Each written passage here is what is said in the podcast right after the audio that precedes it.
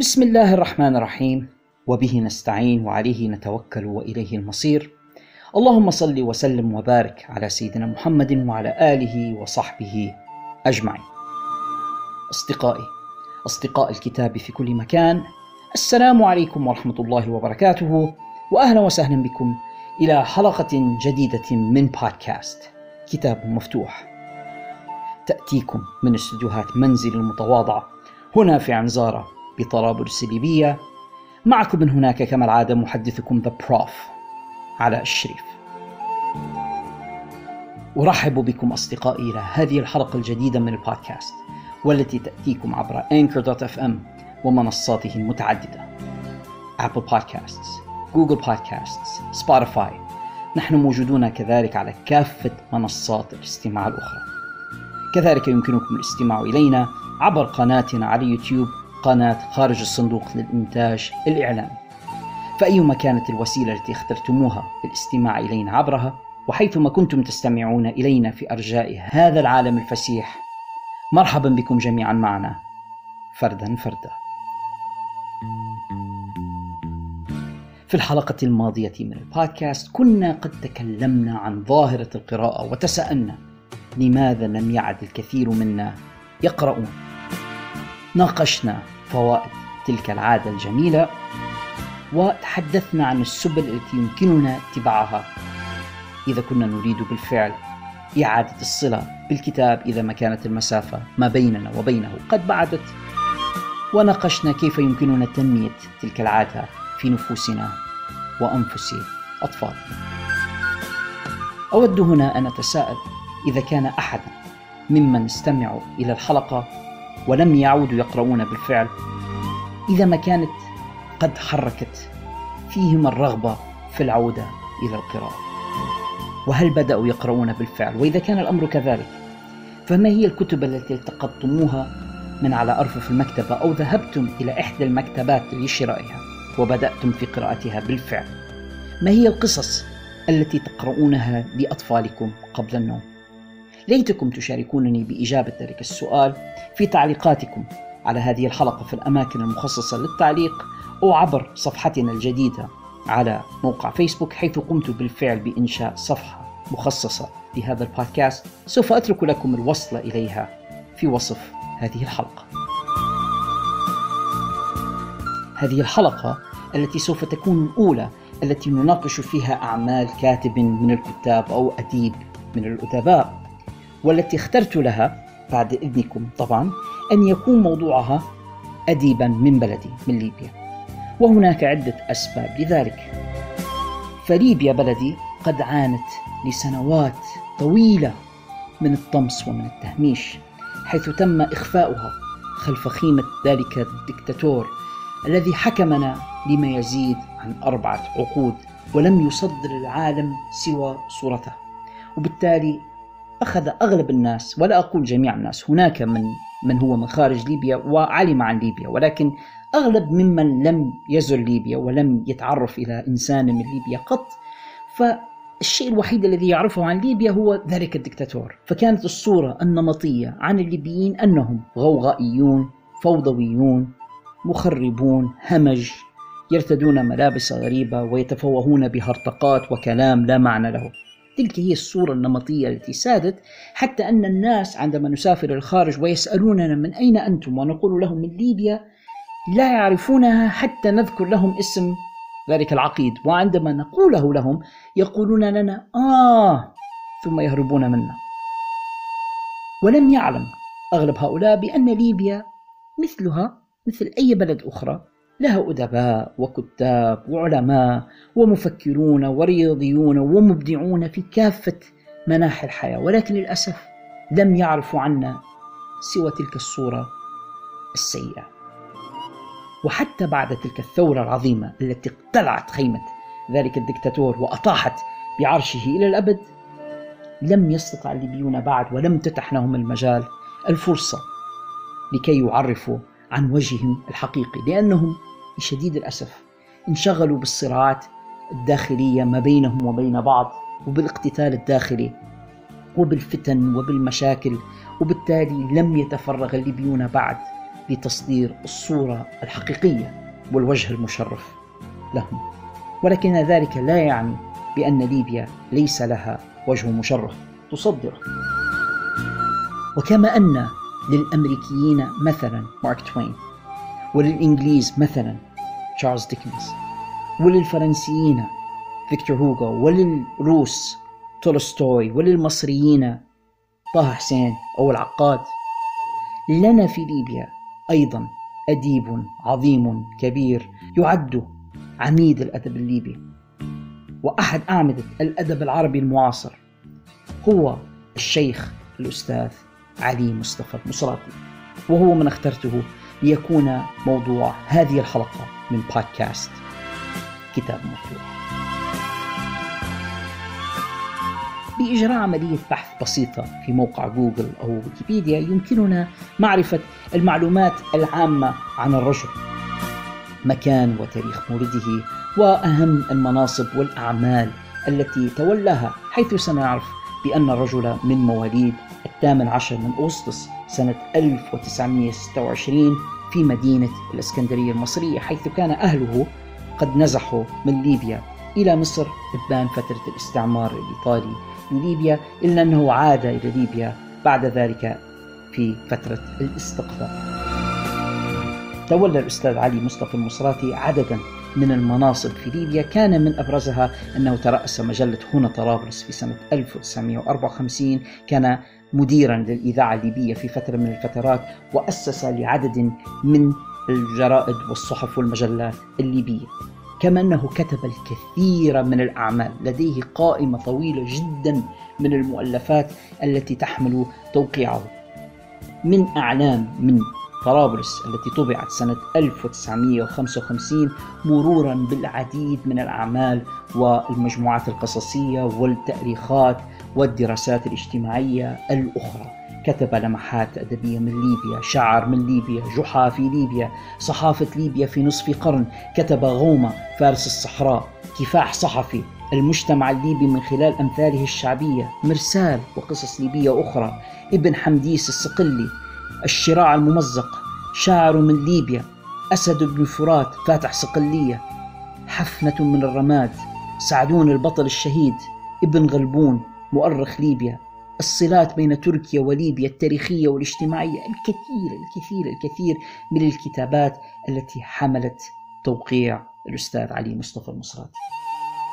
كذلك فقد كان للأستاذ علي مصطفى المصراتي مواقف وطنية مشرفة حيث خرج في مظاهرات ضد تواجد القواعد الأجنبية في ليبيا في فترة الخمسينات وتعرض إلى السجن ثلاث مرات بسبب مواقفه الوطنية المشرفة.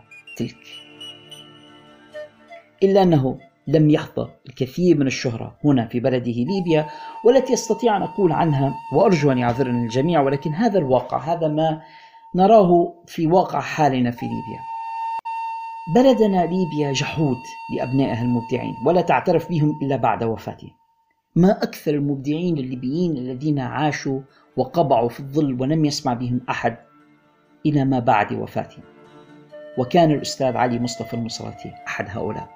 رأينا اسمه في بعض النصوص الأدبية التي كانت مقررة علينا في الفترة الثانوية وكان يطل أحيانا في التلفاز في ندوات لا يشاهدها الكثيرون برغم من أنه كان مشهورا على المستوى العربي وكان يدعى إلى الكثير من المحافل والمجامع ويلقي الكلمات ويتم الاحتفاء به إلا أنه في بلده لم يحظى بالكثير من التكريم وبالكثير من الإشادة في حياته. كتابات الأستاذ علي مصطفى المصراتي كانت تعد بمثابة عدسة مصور تلتقط المشاهد من الحياة الليبية في الخمسينات والستينات. ولاحظوا أن ذلك في الفترة ما قبل إنشاء التلفزيون الليبي وما قبل وجود الأعمال الدرامية والمسلسلات والأفلام وغيرها وبالتالي فقد كانت الأعمال التي يكتبها الأستاذ علي مصطفى المصراتي عن ليبيا وعن الحياة في ليبيا تعد أصدق نقل عن صورة هذا المجتمع إلى بقية العالم.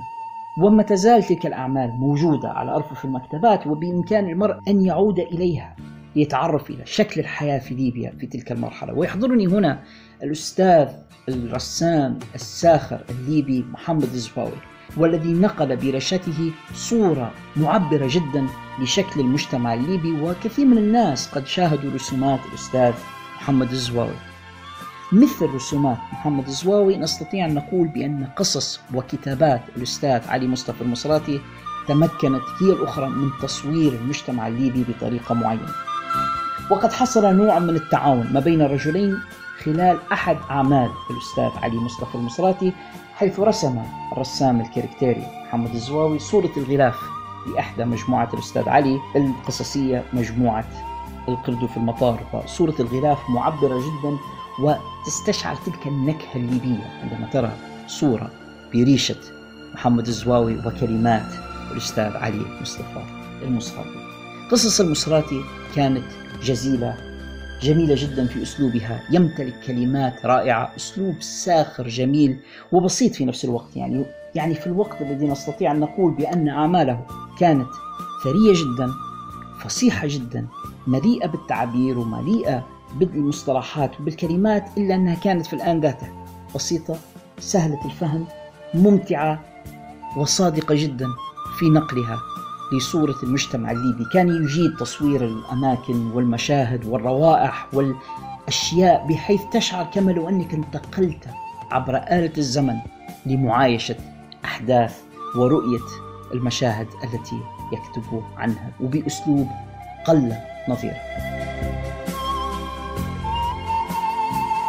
تشرفت شخصيا بلقاء الأستاذ علي مصطفى المصراتي بمرة واحدة في حياتي. تلك المرة الوحيدة والعابرة. كانت مؤثرة جدا علي في تلك السن المبكرة وظلت محفورة في ذاكرتي وكتبت عنها بعد رحيل الأستاذ عن دنيانا يوم التاسع والعشرين من ديسمبر سنة 2021 يعني بعد ذلك اللقاء بسنوات عديدة. أحببت أن أتشارك معكم تلك الكلمات التي كتبتها عبر مدونتي وسوف أترك وصل إليها كذلك في وصف هذه الحلقة لمن يريد منكم أن يعود لقراءته بنفسه. قلت كنت في حوالي العشرين من عمري عندما التقيته ذات يوم بالصدفة في شارع عمر المختار. كان يرتدي بذلة أنيقة وتبدو عليه أمارات الهيبة والوقار وهو يمشي بهمة ونشاط لا تتفقان مع كبر سنه. حييته سائلا السلام عليكم ألست الأستاذ علي مصطفى المصراتي؟ توقف في مكانه واستدار إلي مبتسما ثم سألني بلهجة أقرب إلى العربية الفصحى بلى أنا هو ولكن كيف عرفتني؟ سبق لي رؤية صورة حضرتك في التلفاز أنت أديب وكاتب كبير اتسعت ابتسامته وسألني وماذا قرأت لي؟ أجبته بعض نصوصك كانت مقررة علينا في المدرسة الثانوية ولكنني لم أقرأ كتابا كاملا لك بعد بصراحة أطلق ضحكة عالية ثم سألني أنت فتى مميز ما اسمك؟ شأن طلاب المدارس أخبرته اسم الثلاثي بحماسة اسمي هو علاء الدين صالح الشريف يا أستاذ وهل أنت من محبي القراءة يا علاء؟ نعم بل أنا هنا اليوم لشراء بعض الكتب فماذا اشتريت؟ أريته غلتي وقد كانت رواية مغامرات شيرلوك هولمز. كنت قد اشتريتها لتوي من مكتبة الفرجاني. في شارع ميزران. أوه أنت من محبي الأدب البوليسي. عظيم عظيم. ولكن ما رأيك لو تجرب لونا آخر؟ لا بأس بذلك أبدا. أخرج من جيب معطفه دفترا صغيرا. كتب فيه بضع كلمات بقلم كان يحمله بجيب قميصه ثم قطع الصفحة من الدفتر وناولني إياها قائلا بابتسامة لم تفارق محياه يوم الثلاثاء المقبل اذهب إلى مكتبة الرشيد في شارع عمر المختار وناولهم هذه القصاصة وستجد لديهم لك هدية قيمة. وصفحني بحرارة قائلة ما أسعدني عندما أصادف شبابا في مثل سنك من محبي القراءة ثم افترقنا ومضى كل منا في طريقه عدت إلى المدينة مساء الثلاثاء المقبل كما أخبرني الأستاذ وتوجهت إلى المكتبة التي أخبرني عنها وهناك ناولت الموظف القصاصة التي منحني إياها الأستاذ وما أن قرأها حتى قال أنت علاء؟ نعم أنا هو هل تريد رؤية بطاقة الشخصية أو أشار إلي بكف يده علامة أنه لا داعي لذلك ثم أخرج لي من تحت المكتب الذي كان يجلس خلفه كيسا كبيرا مليئا بنسخ من مؤلفات الأستاذ علي مصطفى المصراتي مهداة إليه وممهورة بخط يده. قال لنا أن نعطيك هذه. عجزت عن النطق وأخيرا قلت شكرا جزيلا لكم وله. بل الشكر لك أنت. لقد كان سعيدا بلقائك يومها. صفحت صاحب المكتبة وعدت بهديتي إلى محطة الحافلات في شارع بورقيبة حيث رحت أتصفح إبداعات الأديب العظيم من مكان جلوسي في المقعد الخلفي من حافلة الإيفكو التي راحت تتهادى في طريقها عائدة بي إلى البيت. إلى ابن علاء مع الشكر. أتمنى لك مستقبلا باهرا. كانت هذه ذكراي الوحيدة مع أستاذنا العظيم عميد الأدب الليبي. المرحوم بإذن الله الأستاذ علي مصطفى المصراتي. إلا أنها بقيت محفورة في ذاكرتي إلى الأبد. لم ألتقه بعدها أبدا ولكنني قضيت ساعات وساعات مع ماله الأدبي العظيم. اللهم اغفر له وارحمه وادخله فسيح جناتك وعظم أجرنا وعزاءنا فيه. كانت تلك الكلمات التي كتبتها عقب وفاة الأستاذ علي مصطفى المصراتي. بعد لقائي به ذلك بسنوات عديدة ما زلت أحتفظ على أرفف مكتبتي تلك القصص التي أهداني إياها وما زلت بين الفينة والأخرى أزورها وأطالعها وأحببت في هذه الحلقة من البودكاست أحبتي أن أقرأ عليكم بعض الصفحات من إحدى أعمال الأستاذ علي مصطفى المصراتي لتأخذوا فكرة عن أعمال هذا الأديب الليبي العظيم. القصة التي سوف أقرأها عليكم بعنوان غائب في الحبشة. هذه القصة تجدونها ضمن مجموعته القصصية خمسون قصة قصيرة وتحديدا ضمن مجموعة مرسال التي طبعت سنة 1962 دعونا نقرأ معا هذه القصة القصيرة للأستاذ علي مصطفى المصراتي. غائب في الحبشة. وقفت عند رأسي في المقهى الشعبي. هناك في طرف المدينة عجوز تتكي على عصا طويلة. وقد تقوس ظهرها وأصبح وجهها تجعيدات وخطوط ومنحنيات. وشعرها أبيض مهوشة. تحاول أن تربطه بمنديل باهت لا يستقر. وكانت تتلحف برداء مخطط. لا يتبين له لون وتنتعل حذاء قديما. لعله كان في يوم من الأيام لجندي حضر معارك الحرب العالمية الأولى. وفي يدها رعشة وقد غارت عيناها وتهدلت أهدابها وظننتها من اللائي يملأن الطرقات عند عتبات المساجد يطلبن إحسانا. وهممت أن أمد يدي في جيبي ولكنها قالت في لهجة بها تكسرات من ألم وبحة حزينة يا ولادي اكتب لي جواب. ولوحت بظرف أبيض في يدها وسألتها لمن أيتها العجوز الطيبة؟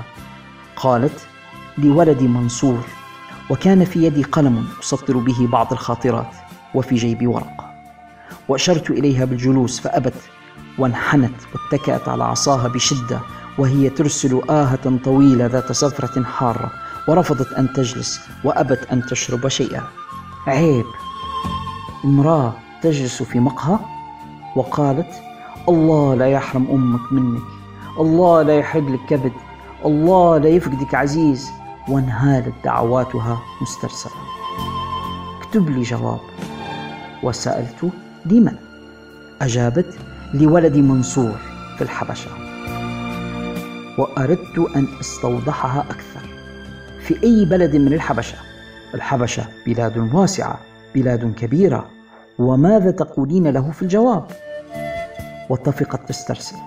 قل له أمك انتظرت عشرين عاما وهي تنتظر جواب. ارسل دز جواب طمني في عليك. وانتابتها نوبة بكاء حادة ووجدت نفسي في موقف عاطفي حرج وأخذت ألاينها حتى تكفكفت من دمعاتها المنسابة على حفائر خدها. وسألتها منصور وين الآن؟ ويش يعمل؟ قالت أخذوه الملاعين راحوا برا الحبشة ومعاد يرسل جواب. عيني مع دراته اكتب قول له وأخذت تشير بإصبعها وفيه خاتم من الفضة الرخيصة ووشمات على ظهر يدها ووشمات أخرى في جبينها بهتت من السنين الطوال. قلت بعد أن كتبت سطرا إلى حضرة المحترم ابننا منصور. منصور من؟ وتهدج صوتها. منصور ولدي. منصور بن حليمة. وسألت لكن من أبوه؟ وأجابت آه أبوه كان صيد سيد الرجالة كامل الأجواد بو صنديد وين التريس توا؟ راحت مع الزمان. تعرف بوه كان له صيت وشنة ورنة استشهد في معركة الهاني نهار الاثنين طاح بالرصاص ودافع عن البلاد ومات شهيد. وبدا في عينيها الغائرتين بريق من حماس كأنه ينفض عنها رعشة السنين وتكدس الذكريات. وتصبرت حتى أحصل على اسم هذا الأب أو هذا الزوج الشهيد الذي تعتز به زوجته هذا الجندي المجهول. وكم في ثرى بلادي من جنود مشغولين. وكانت العجوز وفية لذكراه. فقد سرحت صامتة لحظات قصار كلحظات الحداد التي يقفها الناس في المناسبات. وأبدلت العصا إلى يدها الأخرى لتتكئ عليها وهي تأبى أن تجلس على المقعد في المقهى. وقالت اسمع يا ولادي ما تعرفش راجلي اللي طرابلس كلها تعرفه؟ كان طويل عريض جميل بو منصور لو تعرفه. كيف ما سمعتش عليه؟ خداني وأنا بنت 14 عام كنت القمر في ليلة 14 ودار بوي عرس سبع أيام وسبع ليالي بالبارود والخيل والفرسان والهيد. آه يا ولادي وأخذت تسبح في ذكرياتها وأبيت أن أقطع عليها تدفق الذكريات وهي تصف زواجها وزوجها وليلة عرسها وعشها الذي كان منذ ستين عاما. وطفقت تقول في نبرات حزينة عشرين عام رأيت وجه الأحباب أصحاب روحوا وهو مازال مروح أصحاب رجعوا وهو مرجع. وسألت أين العنوان؟ قالت في الحبشة في بر الأحباش. وتابعت أكتب جواب لولدي منصور ولد حليمة. قلت الجواب يكتب باسم الأب منصور بن من؟ قالت فارس منصور ولد فارس. قلت في أي بلد من الحبشة؟ الحبشة كبيرة واسعة. قالت منصور في الحبشة هناك واتكأت بيدها على المنضدة وأشارت بعصاها الطويلة هناك هناك. وأخذت تهدي وتمزج البكاء بالآهات. وكان صاحب المقهى جالسا ينتظر ويرقب وأشار إلي أن أنهي الحديث فما هناك فائدة. فهي لا تعرف عنوان ابنها لها عشرون عاما وهي تسأل وتكتب جوابا بهذا العنوان. ولدي منصور بالحبشة. وقامت وفي يدها الجواب وهي تدعو الله ألا يبعد عنا حبيبا ولا يوجع أمي بفقدي وغيابي. وأخذ صاحب المقهى يقص حكاية منصور زميله في حرب الحبشة عندما أراد موسوليني أن يوسع إمبراطوريته على حساب الشعوب. لقد ساق أولئك الجنود إكراها وتحت ضغط الحاجة. أحباش يهجم بهم على ليبيا بعد إغرائهم بالمال. وسلب الأحباش الحلي والأموال من النساء والبنات من الأعناق والآذان وما هو أثمن من الجواهر والأقوات. وكانوا يفرون أمام ضربات المجاهدين البواسل الأباء.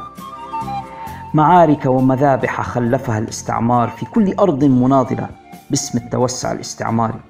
يسوقون الجنود المرتزقة أصنافا وألوانا. يزجون بهم إلى خطوط النار لمواجهة شعب آخر.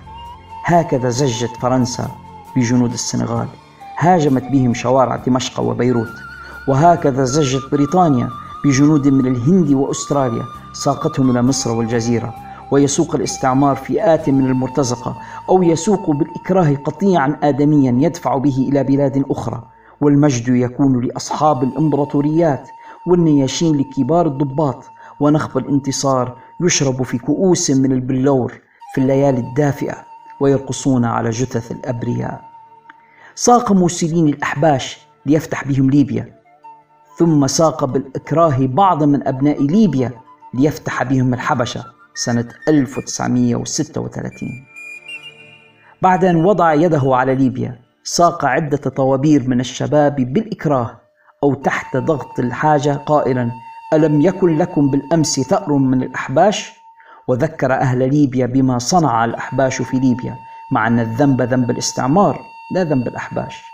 فالأحباش عندما سيقوا إلى ليبيا لم يكونوا أحرارا إنما كانوا هناك أجراء تحت الحاجة والفاقة. وأخيرا كشفت أساليب الاستعمار وعرفت مخادعه وانهارت إمبراطوريات وتقلصت. واستقلت مصر واستقلت الهند وسوريا ولبنان واستقلت ليبيا والحبشة والمغرب وتونس والجزائر. ما لنا نبتعد عن قصة الغائب في الحبشة. لقد سبب الاستعمار في البلاد قحطا في النفوس والبيوت وأخذ يسوق العمال لبناء الطرق يربط ما بين مصر وتونس وهو يحلم بتوسيع إمبراطوريته وساق الطوابير تعبد الطريق لقاء فرنكات وجرعات من الشاي. وساق طوابير أخرى إلى غزو الحبشة وكان منهم منصور بن الشهيد في معركة الهاني إلى هناك إلى أرض الحبشة ولكنه إفريقي شرقي ما له يقاتل شعبا يدافع عن حريته ويستعمل الغزاة في حرب الحبشة الغارات الخانقة وجنود الباراشوت.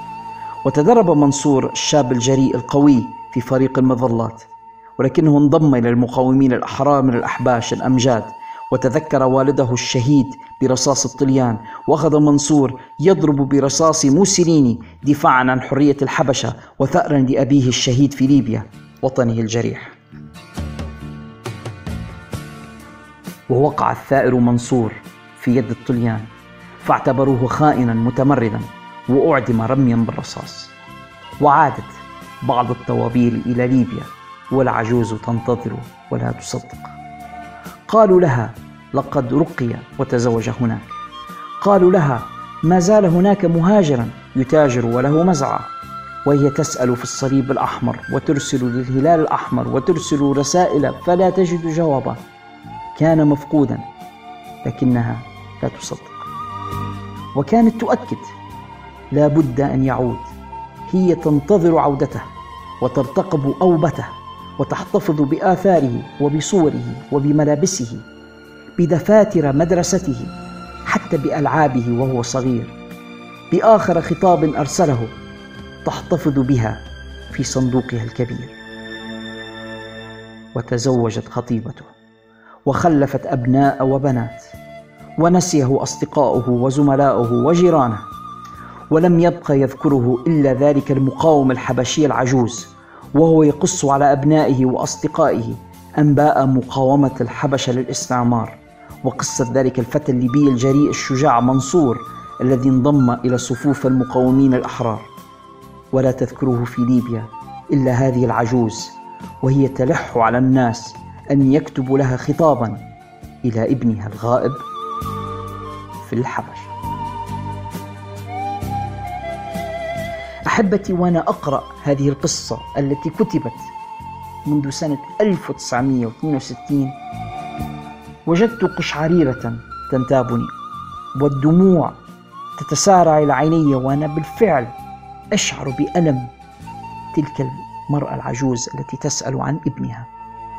انظروا إلى هذه القصة على قصرها كم كثف فيها الأستاذ علي مصطفى المصراتي من المعاني ومن العبر ومن الدروس التاريخية والاجتماعية وأحاط بتاريخ تلك المرحلة من البلاد ثم قدمها إلينا كما لو أننا نعايشها حقيقة.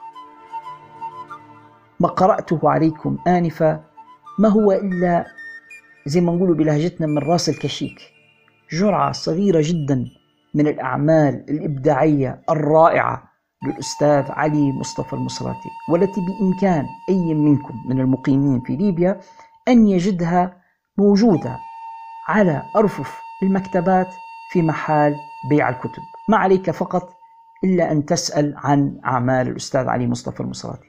أما مستمعون من خارج القطر الليبي فما عليهم إلا إجراء بحث بسيط عبر وسائل التواصل الاجتماعي أو في محركات البحث.